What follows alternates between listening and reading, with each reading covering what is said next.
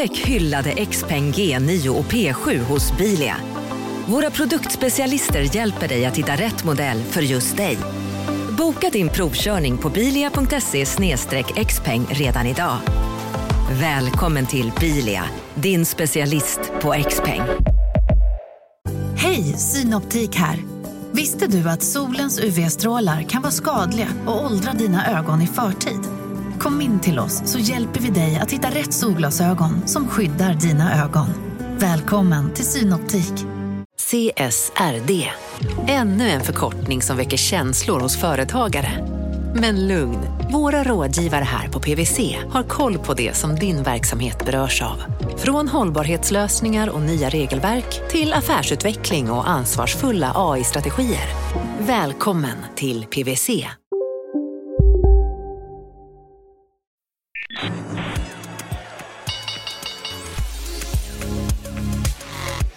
Här är Affärsvärlden med Helene Rådstein. Hej och hjärtligt välkomna till podden Affärsvärlden där vi varje torsdag fördjupar oss i affärsvärldens journalistik. Jag heter Helene Rothstein och är reporter på Affärsvärlden. Och just nu så är jag här med Mikael Söderlund och du är analyschef på fastighetsrådgivaren Pagea. Det stämmer bra det. Trevligt att vara här. Tack så mycket. I det senaste numret utav tidningen Affärsvärlden så eh, gjorde jag ett reportage och min kollega gjorde ett reportage. Jag skrev om arbetsmarknaden som håller på att glida isär totalt och hur arbetsmarknadens parter letar efter överenskommelser och sådär. Och min kollega Anneli Östlund hon skrev om kriget på hyresmarknaden, på fastighetsmarknaden där man verkligen inte riktigt verkar komma överens om hyressättningar. Och sådär. Vad skulle du säga hur ser läget ut nu bland fastighetsägare och hyresgäster i rådande coronaläge? Jag vet inte om det egentligen är ett, ett, krig utan det är mer en, väldigt, en helt ny situation för båda sidor. Historiskt sett har man liksom haft en väldigt nära och, och god dialog mellan fastighetsägare och hyresgäster och man, eh, man arbetar i frågor tillsammans. Men just nu hamnar man i en situation där vissa inte har råd att betala sina hyror och då blir det att man hamnar på olika sidor och måste förhandla fram olika typer av lösningar. Och nu bara för några dagar sedan så godkändes ju också ett förslag där staten blandar sig i det här. Ja, precis. Och de skulle gå in och täcka, var det 25 procent? Nej, det är egentligen, de lägger över bollen på fastighetsägarna. Så att fastighetsägarna kan göra eh, en godtycklig, mer eller mindre, eh, hyresreduktion. Och så delar man på den eh, kostnaden, staten och fastighetsägaren. Så på så sätt skyddar man fastighet, eh, hyresgästen som bara får en hyresreduktion och kanske kan liksom övervintra några, några månader eller ett kvartal eller vad det kan bli. Vad tror du om den insatsen från statligt håll just nu? Jag tycker att det är bra initiativ. Så får man se i vilken utsträckning det kommer att användas. Den är ju väldigt vänlig mot hyresgästerna. Fastighetsägarna däremot vill väl i liksom första hand försvara sin egen affär. Så man kanske eh, är lite avvaktande till en början och ser om hyror kommer in och om man kan lösa det på annat sätt, kanske skjuta upp hyresbetalningar eller så istället för att ta en, en haircut på det. Mm. Om vi ser på rådande läge, vad är din analys av var vi befinner oss just nu? Ja, det är en komplex fråga. för att om vi pratar fastighetsmarknad så består ju fastighetsmarknaden av olika segment. Ja. Och de befinner sig i helt olika faser. Mm. Där liksom hotell och eh, köpcentrum har liksom fått en rejäl smäll redan och, och restauranger också. Däremot liksom i andra änden av spektret finns det samhällsfastigheter och det finns livsmedelsbutiker som har en ökad omsättning eh, hyresbostäder, ett stort segment. Dit har krisen inte kommit än. Och kontor ja. någonstans i mitten där. Mm, men om vi då tar, eh, vi tar de här i ordning. Om vi tar det första mm. segmentet där man är beroende av flöde av människor kan man säga hela tiden då.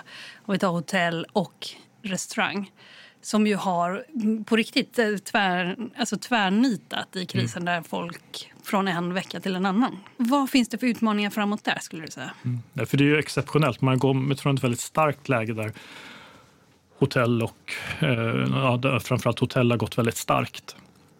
Och så eh, går man från beläggningsgrader på 50-70 procent ner på 10-20 procent idag. Det är liksom precis att man kan täcka kostnaderna. Det är nästan lika bra att hålla hotellen stängda, vilket man gör i vissa fall.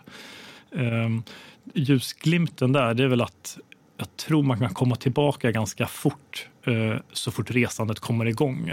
Och eh, nu kan man inte lita på allting som kommer från Kina, men de signaler man får därifrån är att, att eh, hotellsbeläggningarna redan går upp. Ehm, från låga nivåer dock. Men för om man ser, det finns ju olika modeller vad det gäller hyresavtal, fastighetsägare och hyresgäster. Men om man ser till ett stort hotellfastighetsbolag som Pandox så har ju de haft omsättningsbaserade hyror till exempel med Scandic. Eh, kan man se, alltså där om, om det går bra för Scandic går det bra för Pandox och så vidare. Och så betalar man i relation till hur det går. Mm. Eh, vad, vad säger du om den typen av hyresmodeller och alltså i det här läget? I grund och botten är det ju egentligen väldigt sunt. Det innebär att man både delar på, på uppsidan, avkastning, och man delar på risken. Mm.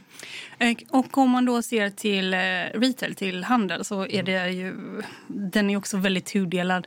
Dels genom då livsmedelsindustrin som har sett ett väldigt uppsving, men inte överallt. Inte mot gränshandeln, till exempel i Norge, men däremot eh, e-handel och lager och sådär till exempel.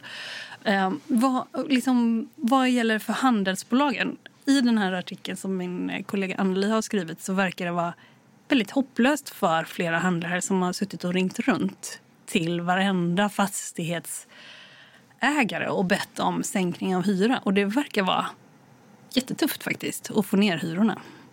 Vad är din uppfattning? Ja, dels kan man jämföra lite med, med hotell. Att man kommer från ett annat läge där det såg väldigt bra ut för hotell i början på året. Så var det inte riktigt för köpcentrum och handel. Det har ju varit en press på hyrorna eh, redan innan vi gick in i krisen. Så kommer det här liksom från, från en klarblå himmel mer eller mindre.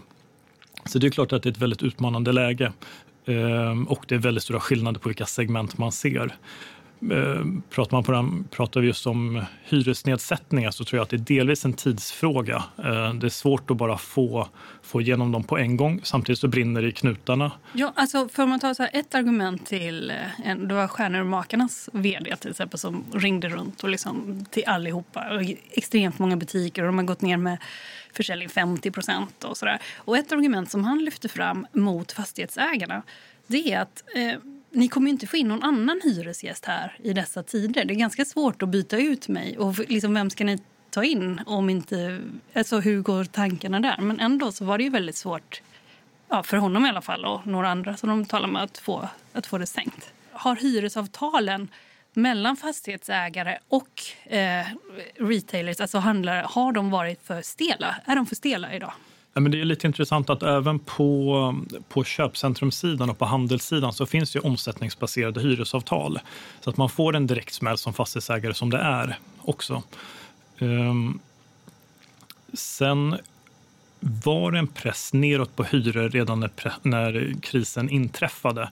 Att många fastighetsägare och hyresgäster har varit i en diskussion där och försökt landa olika avtal. Um, och jag tror att det finns en tröghet där. Det är en ny situation. Det är svårt att fatta snabba beslut. Det är mycket lättare att frysa en hyra några månader eller att fastighetsägarna agerar lite bank än att mm. sätta ner det. Men eh, jag har hört många exempel på eh, lyckade lösningar också. Kan du berätta om några lyckade exempel här? Ja, lite generellt tror jag i alla fall att det handlar om eh, de mindre handlarna. Det är lite mer hårt mot hårt när det är de stora kedjorna. För det, där har man haft en lite hårdare jargong tidigare eh, medan de, de små, lite mer independent-butikerna och lite mer utanför storstäderna faktiskt så är det en lite mjukare eh, samtalston mellan fastighetsägare och hyresgäst rent generellt. Eh, och är det det även ifall det är stora börsbolag? Alltså vi har ju börsbolag som till exempel Diös som håller till i norra Sverige och sådär. Även om det är ett stort, eh, liksom de är en stor fastighetsägare, är det ändå liksom lite mjukare samtal där, mellan dem och handlarna skulle du säga? Ja, jag tror de är ett bra exempel. Att de försöker vara väldigt lokala. Och jag vet att de har ringt runt till alla sina hyresgäster för att höra hur läget är. Ehm, trots att man är stora så försöker man vara väldigt lokal och ligga nära kunderna. Ehm, och eh, skickas inga mejl och det sköts inte via jurister utan det är liksom eh, mellan uthyrare och fastighetsansvariga och hyresgästerna. Vet du hur det har gått med, i de relationerna? Det kan vara svårt att uttala sig om enskilda bolag, men generellt om man har en sån diversifierad portfölj så är det ganska små hyrestapp man eh, reserverar än så länge. Marknaden sponsras av SPP, pensionsbolaget. Eh, förra gången pratade vi lite om ITP. Och som en kort repetition så, så var det ju 70-tal, arbetsmarknadens parter bestämde att alla tjänstemän ska ha en tjänstepension. Man kom överens om vilka villkor som ska gälla i den här pensionen och så kallade man den för ITP. Så jobbar man idag som tjänsteman i ett företag med kollektivavtal, då har man förmodligen den här pensionen, ITP-pensionen. Eh, och det är ju så att man kan påverka eh, den här pensionen, hur den är placerad. Vart femte år så gör nämligen Collectum, som de heter, en enorm upphandling där olika pensionsbolag kan ansöka om att få förvalta eh, de här pensionerna. Och SPP är ett av bolagen som valdes ut i den senaste upphandlingen. Och sen kan du som pensionssparare välja eh, vilket av de här olika pensionsbolagen som, som då ska få ta hand om dina pengar. Och tanken med den här upphandlingen är ju att liksom kvalitetssäkra de här olika alternativen eh, men också att förhandla fram stora rabatter så att pensionsspararna ska få ja, kunna spara pengar genom att avgifterna eh, som är så viktiga eh, blir eh, lägre. Och vill man välja någonting i ITP-systemet då finns det en relativt ny sajt som heter avtalat.se. Ehm, där kan man gå in och se hur sin ITP-pension är placerad. Jag gjorde det häromdagen faktiskt. Ehm, idén är att hälften av pengarna alltid ligger i något som kallas för traditionell försäkring. Det här gjorde vi ett avsnitt om i podden Kapitalet nyligen eh, som vi kallade världens bästa sparform. kan man lyssna på om man är intresserad. Eh, den andra halvan eh, den kan man också lägga i en traditionell försäkring eller så kan man placera det i något som kallas för fondförsäkring. Eh, SPP som sagt eh, var ju ett av de fåtal bolagen som valdes ut i den senaste upphandlingen och de finns med som alternativ både med en traditionell försäkring och med eh, fonder. Så det var en liten bakgrund till ITP-systemet. Vill man läsa mer om det här eller typ kolla hur ITP-pensionen är placerad, eh, kanske göra förändringar, då går man in på avtalat.se men tack säger jag till SPP som vill göra oss människor mer medvetna om hur enormt viktig pensionen är för oss som en framtida lön, men också som en positiv kraft i samhället eh, och förstås för att ni möjliggör eh, den här podden Marknaden. Du lyssnar på Affärsvärlden Magasin med Helene Rådstein. Om vi då går vidare till nästa flödessegment, kontor. Mm. Kontoren står ju till stora delar tomma idag. Och eh, när jag pratar med flera bolag så säger de att en konsekvens här är ju att vi kan se att vi kanske bara i framtiden kommer behöva halva vår eh, kontorsyta eftersom det fungerar tydligen så bra för folk att jobba hemifrån. Så vi kan ju eh, dela, dela ytan i framtiden. Vad skulle du säga just nu i coronatider att kontorsfastighetsbolag brottas med? Ja, men det är ett intressant exempel att peka på att man kanske hitta nya sätt att jobba mm. liksom, och strukturförändringar i branschen. Och det är väl det som är den stora risken för kontorssegmentet. Eh, på kort sikt så betalas hyrorna generellt i kontor. Det är som vissa bolag som kan ha problem som håller, är väldigt exporttunga eller håller på med en bransch som är helt slagen just nu. Men generellt ser det ganska okej okay ut för, för kontorsfastigheter på kort sikt. Men det är just om det kommer någon strukturförändring eller väldigt många företag som går omkull och alla blir mer defensiva framåt och söker mindre ytor. Eh, bara som ett tankeexperiment om många kommer på att det är trevligt att jobba lite hemma nu, ska jag fortsätta göra en dag i veckan. Då försvinner ju liksom 20 procent av efterfrågan. Ehm, jag tror inte man landar där. Jag tror man kommer återgå ganska mycket till det normala. Men det kan säkert bli en, en press neråt på kontorshyror och lite högre vakanser. Mm. Och kan man tänka sig att nu att eh, priserna på, per kvadratmeter som väl har varit rekordhöga i Stockholm va? innan krisen, eller? De, De är rekordhöga. Fortfarande? Eh, ja, vi har inte sett några avslut som visar att det liksom har vänt eller så. Mycket av de fastighetsaffärer som sker just under turbulenta tiden är sådana som har, har skrivits eller tecknats innan krisen så genomförs de på samma nivåer än. Så det är väldigt svårt att, att peka på någon prisnedgång än så länge. Där, eh, är vi för tidigt ute. Det brukar vara så att fastighetsvärderingar och fastighetsmarknaden generellt den, den släpar efter ganska mycket. Och eh, då vad det gäller samhällsfastigheter, de har vi ju gått, om man tittar på börsen, så har ju de gått helt okej okay i, i rådande klimat. Eh, är det en riktig... Liksom, verkar marknaden ha fått, eh, förstått läget rätt här? skulle du säga? Jo, men på ett sätt är det, är det ju rimligt. För de andra fastigheter fastighetstyperna vi har pratat om de är mer eller mindre tomma idag. Eller det finns i alla fall mindre aktivitet där. Samhällsfastigheterna är ju tvärtom. Det rullar ju på helt och i vissa segment så är det ju mer aktivitet än tidigare. Mm. Eh, sjukhus, poliser, olika samhällsservice. Så, så att jag tror att det har blivit ganska tydligt för fastighetsinvesterare att, att det här är liksom säkra tillgångar. Och man kan även se att banken och finansieringssidan är mer positiva kring eh, samhälls, mot samhällsfastigheter. Men om man ska titta, kan man säga någonting om de transaktioner som sker just nu vad det gäller samhällsfastigheter? Ja, man kan se generellt att under första kvartalet så var det förvånansvärt höga siffror. Det var egentligen, även i mars var det mycket affärer både på svenska och nordiska fastighetsmarknaden. Eh, men vi förväntar oss att det kommer ett tapp nu och framåt och sen får man se hur länge det tappet är och hur stort. Eh, men det är tydligt att de affärer som sker just nu, det är sådana affärer där man inte behöver gå ner i, i pris. Eh, och då är det mycket samhällsfastigheter, det är hyresbostäder och det är faktiskt en del projekt med väldigt långa löptider. Man kan börja jobba med detaljplaner nu och det kommer ändå ta flera år innan man är klar. Mm. Så, och, och de pågår fortfarande? De segmenten ja, rullar på. Ja. Före coronakrisen så var det en ganska stor eh, affär, kanske en av de största som någonsin har gjorts i Sverige, så med samhällsfastighetsbolaget SBB. Och vi hade också vd och grundaren Ilja Batljan här i studion den affären har ju eh, bara delvis gått igenom. Eller det är ju en, en snutt till Nyfosa som inte gick igenom riktigt. Kan du förklara vad som har hänt? Ja, nej, men det är riktigt. SBB la ju ett publikt bud på Hemfosa eh, och har genomfört den affären som är den största fastighetsaffären faktiskt någonsin i Sverige. Ja. Eh, men i steg två hade man tänkt att sälja vidare ungefär utvalda fastigheter för runt 10 miljarder till Nyfosa. Eh, där köparen har, har pausat den affären kan man säga. Man säger att man fortsatt är intresserad men kan inte genomföra den i rådande marknadsläge. Eh, och, och om jag ska kommentera det så är det lite det vi ser generellt på marknaden. Det är absolut inte helt tyst på transaktionsmarknaden. Det sker affärer det sker mer affärer i Sverige än det gör i många andra länder. Ehm, så det är lite som samhället generellt här. Det är bara halvstängt men det kan vara helstängt i andra länder.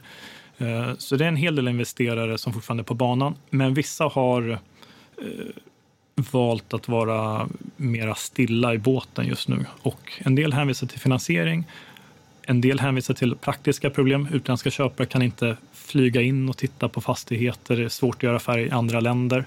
Och det är ett ganska stort tapp eftersom runt 30 procent av köparna har varit utländska på den svenska marknaden.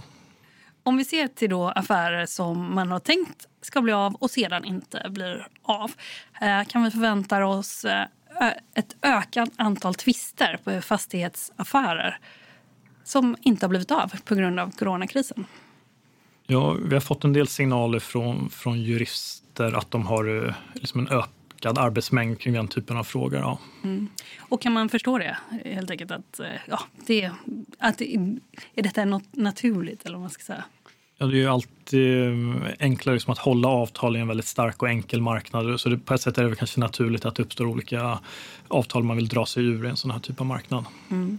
Och nu så har vi pratat om samhällsfastigheter. Är det något där man ska kommentera? Kommer de stå sig fortsatt starka framöver? skulle du säga?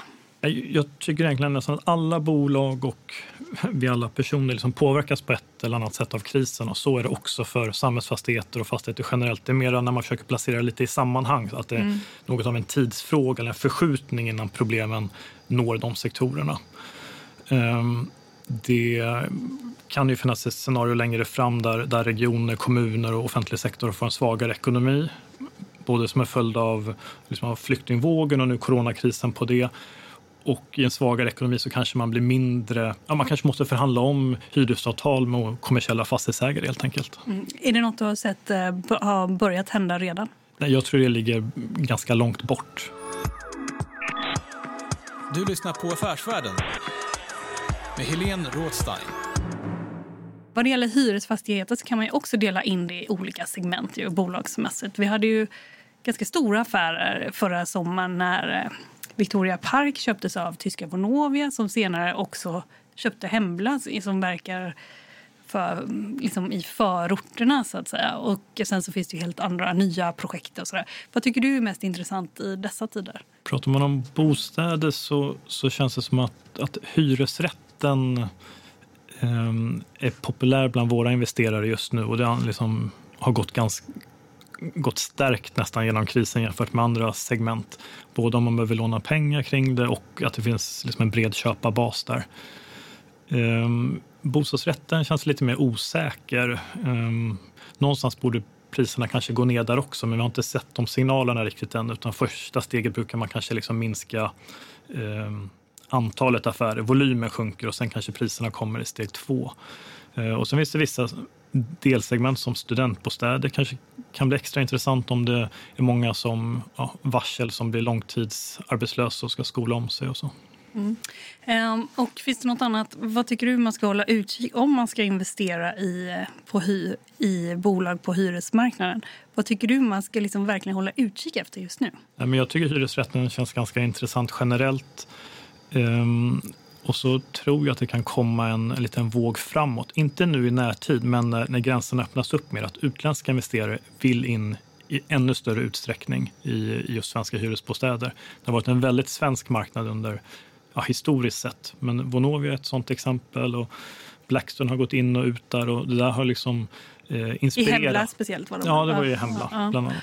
Ja. Eh, och vi hjälpte Starwood att köpa en stor hyresrättsportfölj i Finland förra året till exempel. Eh, och det där har inspirerat många andra utländska investerare. Och eh, ser man det just nu, att de är lite här och knackar på dörren? Man var här och knackade på dörren och räknade och började göra affärer fram till coronakrisen kom. Och nu är man fortsatt intresserad men får stå lite mer vid sidlinjen ett tag. När, när tror du, du säger lite lugnare läge just nu på transaktionsmarknaden, det gäller samtliga sektorer? Det är en stor skillnad skulle jag säga mellan olika sektorer där eh, hyresbostäder, samhällsfastigheter och en del projekt eh, rullar på bra. Och generellt sett funkar det vi kallar som core-fastigheter, det som känns väldigt stabilt och likvitt. Det eh, finns en större möjlighet att göra affärer där med både liksom aktiva köpare och säljare.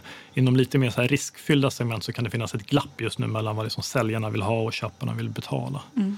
Eh, ett segment vi faktiskt inte berörde som också hänger ihop med handel det är logistikfastigheter. Det känns lite eh, spontant svårbedömt eh, just i det här läget. Hur ser behovet ut av logistik framöver? Man har pratat om att i Sverige kommer vi behöva större lager har det visat sig på vissa sätt och vi ser en ökad e-handel. Men ja, vad skulle du säga? Jag delar den bilden att på kort sikt är det en ganska stor osäkerhet. Där. Det är svårt att forsla varor mellan länder och mellan regioner. Men, men på lång sikt så tror jag liksom e-handel och globalisering och så där, det är en ganska stark kraft. Och om man också lägger lite större marginaler på det så kommer det öka efterfrågan på lagerlogistik tror jag på sikt. Eh, så jag tror att det kommer vara en, ett ganska hett segment eh, om vi skulle prata om ett år eller två igen. Mm. Och även här så finns det också, det är ju ganska delat land här också. Det finns ju ganska regionala spelare eh, vad det gäller logistikfastigheter. Det finns ju en vad heter de, MP3 fastigheter i Norrland och sen så finns det ju de som faktiskt var inne i Victoria Park som har startat något som är mm. utanför börsen. Vad heter det? Del? SLP, Swedish ja. Logistics ja. Property. Ja, SLP faktiskt med, jag tror Peter Strand är en av dem som är med där. Men eh, så där ser man ju också liksom en stor, i landet så finns det ju liksom några som är stora i Skåne, några som är stora i norra Sverige och sådär. Ser du någon om du ska gissa, här, ser man någon större aktivitet inom något segment här? Den stora trenden egentligen inom logistik är att en del stora drakar bygger upp eh, logistik logistiknät över hela, hela världen. Blackstone till exempel håller på att bygga liksom en jättelogistikplattform och har liksom dammsugit på den svenska marknaden och massa andra länder. Ehm, och ehm, om man sålde en logistikfastighet innan krisen så var det superhett. Man kanske fick in 10-15 bud från olika investerare. Nästan alla var utländska.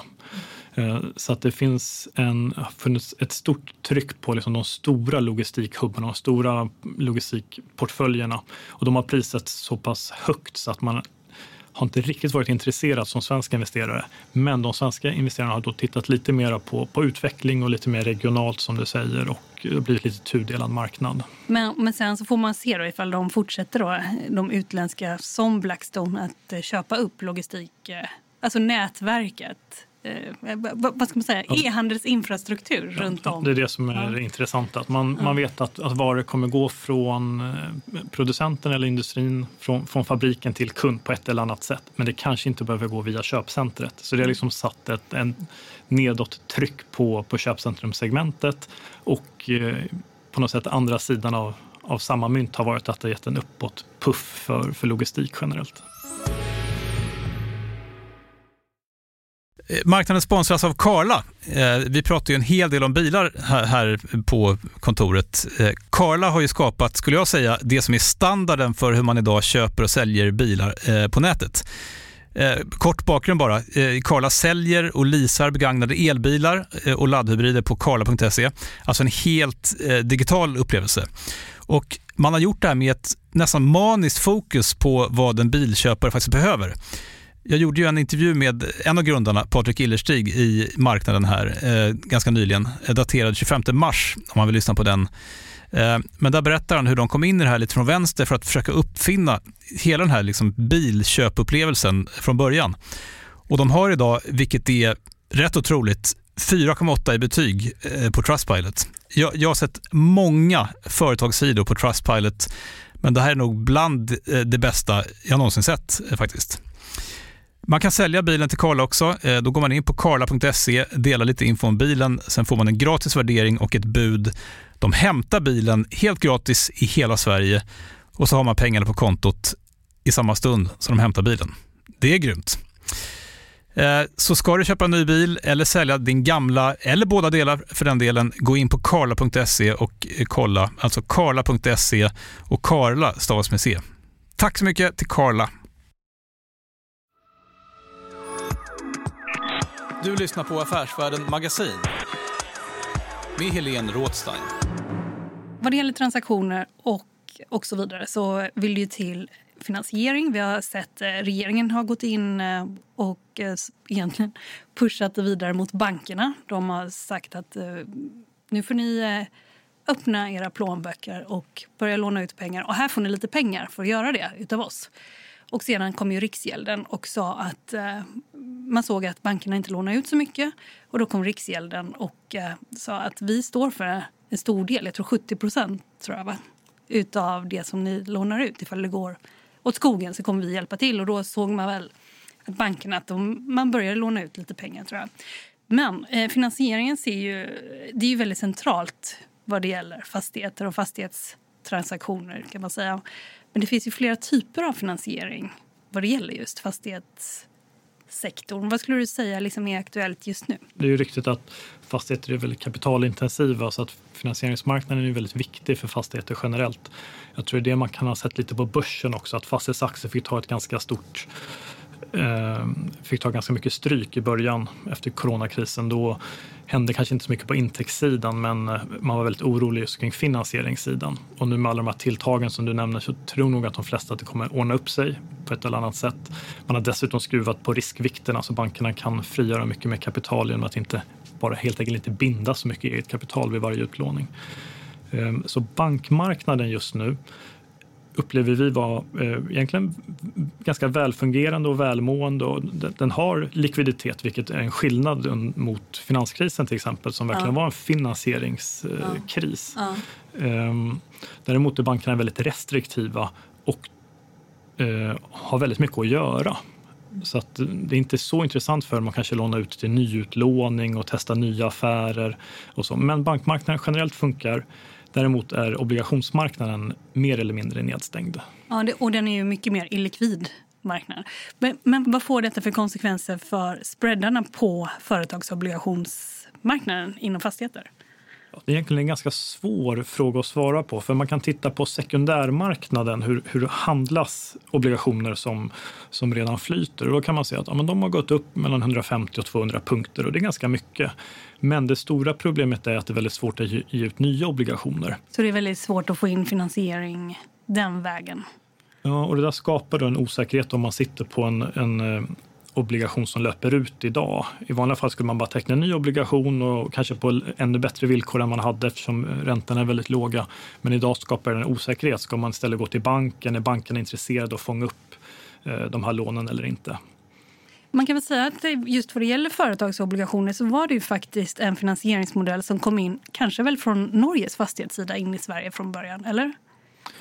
Ja, man kan säga att svensk eh, fastighetsmarknad alltid, och det gäller svensk eh, företagsmarknad också generellt, har ju varit väldigt beroende av bankfinansiering. Mm. Eh, och man har dessutom ofta haft en husbank, man har bara gått i en bank. Det är liksom historiska bilden. Men under de senaste plus tio åren så har ju liksom kapitalmarknadsfinansieringen ökat och det har den även gjort bland fastighetsbolagen. Och då har det varit en liten annan bild egentligen både i Danmark och Norge där man har jobbat lite mer med kapitalmarknadsfinansiering, obligationer och så. Kan man tänka sig att den här coronakrisen kommer få konsekvenser vad det gäller företags och obligationsmarknaden på sikt? Eller den, det sättet att finansiera sig på? Jag tycker den frågan är, är svår att svara på. I, I grunden tycker jag att det är bra att det finns olika typer av finansieringskällor och att man man konkurrenssätter kapitalet och så. Så vi får se egentligen hur stukad obligationsmarknaden blir och även certmarknaden. Mm. Finns det något tredje alternativ som man ser komma nu? Ja, om varken obligationsmarknaden eller bankmarknaden fungerar då får man försöka gå till det privata kapitalet. Det, där är man ganska grön på den svenska marknaden men det görs i, i andra länder. Eh, att institutioner går in och lånar upp till exempel till fastighetsaffärer eller det finns lånefonder. Mm. Vad det gäller köpare nu på transaktionsmarknaden, kan man se då att institutionerna är ganska intresserade här? Och man kanske skulle kunna tänka sig det, men det är nästan tvärtom. Nordiska och svenska institutioner har varit stora nettoköpare på fastighetsmarknaden. Man har drivit priserna, man har haft mycket kapital och billigt kapital. Men nu har man köpt så pass mycket fastigheter och de fastigheter man har köpt har dessutom ökat i värde. Så man har gått från en, en snittallokering på 5-6 procent upp till 10 procent ungefär. Av den totala portföljen? Av det totala förvaltade kapitalet, ja. Mm, mm. Och där är man ganska nöjd. Och nu när deras eh, aktieportföljer sjunker i värde 20-30 procent, då, liksom, då hoppar exponeringen mot, mot eh, fastigheter upp automatiskt. Så plötsligt är, är många institutioner lite överviktade i fastigheter. Ja, Okej, okay. så där kan man eh, tänka sig att de inte snarare kommer gå in mer på fastighetssidan, de svenska institutionerna i alla fall? Nej, jag tror det gäller både svenska och internationella institutioner att man, man gillar fastigheter, fastigheter har gått bra men det har gått så pass bra så att man blir överviktad i det och man är mm. generellt sett ganska regelstyrda. Mm, mm. Vilka andra typer av köpare ser du komma in på den svenska och den nordiska marknaden? Jag tror att de noterade fastighetsbolagen, som är ganska många, inte minst i Sverige, de sitter i lite samma båt som eh, institutionerna. De går från att ha varit väldigt aktiva till att bli lite mer passiva nu när de inte längre värderas till premie eh, utan snarare har en generell rabatt. Och Eh, då lämnar det där utrymme egentligen för nya investerare att kliva fram. Och det kan vara eh, lokala fastighetsbolag, privata bolag som har ganska mycket cash. Eh, kan man se vid tidigare kriser att de, de har passat på och tagit marknadsandelar. Eh, och en annan sån köpargrupp är ju fastighetsfonder som vi ser har rest ganska mycket kapital innan krisen och egentligen nu kommer ut med ganska bra timing. Och vad det gäller fastighetsfonder, vi, alltså, då pratar vi också nationella och internationella fastighetsfonder. Ja, det är både, precis. Det är både och där. Starwood och Blackstone till exempel representerar det internationella kapitalet där. Ehm, och Niam, Profi, Areim och eh, ganska stort gäng nordiska fonder har rest ganska mycket pengar. Du lyssnar på Affärsvärlden med Helene Rådstein. Tar den svenska marknaden, finns det något på den svenska marknaden som sticker ut internationellt just nu? Ja, dels är ju inte den svenska marknaden helt nedstängd som i andra länder. Nej. Så att det görs ändå en del affärer och förvaltningen i fastighetsbolagen rullar på bra som jag upplever det.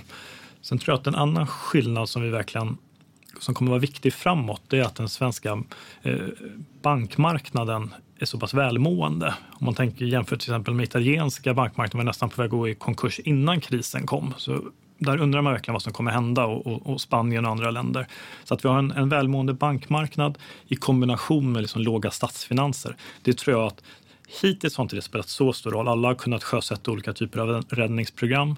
Men när man kommer in i nästa steg, när man ska visa mer uthållighet och stimulera ekonomin och efterfrågan på olika sätt, eh, där kan nog liksom Norden och Sverige visa styrka. Vad det gäller centralbankerna så har ju bland annat Norge har ju sänkt eh, räntorna här och svenska Riksbanken har ju inte eh, gjort detta. Man är på noll fortfarande. Vad kommer hända med lågräntemiljön framöver, tror du? Den har ju verkligen kommit för att stanna. Um, om, om eh, räntorna ska åt något håll så är det väl snarare neråt. Ehm, um, då kan man ju se vid tidigare kriser så har ju, har ju räntan ofta sjunkit 2 procentenheter och sånt. Eh, om man har dragit ner eh, Riksbank, eller centralbanksräntorna ordentligt. Då har man inte riktigt möjlighet att göra det för man hann ju aldrig höja den. Uh, och anledningen till att... Jo, man hann höja till noll. Ja, man hann höja lite grann. ja. Ja. Men Norge till exempel var ju på 2% och då har man liksom haft möjlighet att gå ner mot nollstrecket. Mm. Är det ett problem som du ser det nu, alltså utifrån fastighetsperspektivet? Ja, det skulle ju vara bra från ett eh, samhällsperspektiv om man hade haft mera manöverutrymme. Man har ju liksom slagit bort nästan ja. penningpolitiken där. Men från fastighetsperspektiv så i det långa loppet så kommer låga räntor liksom gynna eh, intjäningen. Jag tror man får skilja lite på kort och lång sikt med finansiering. Eh, nu vet man att prislappen kommer vara låg, det kommer vara låga räntor. Eh, däremot på kort sikt så kan det vara problem med likviditeten eh, och det finns en osäkerhet kring det. Men när man liksom kommit igenom krisen och på andra sidan så ja, då kommer det vara väldigt positivt för fastighetsbolagen med de här låga räntorna fortsatt. Mm.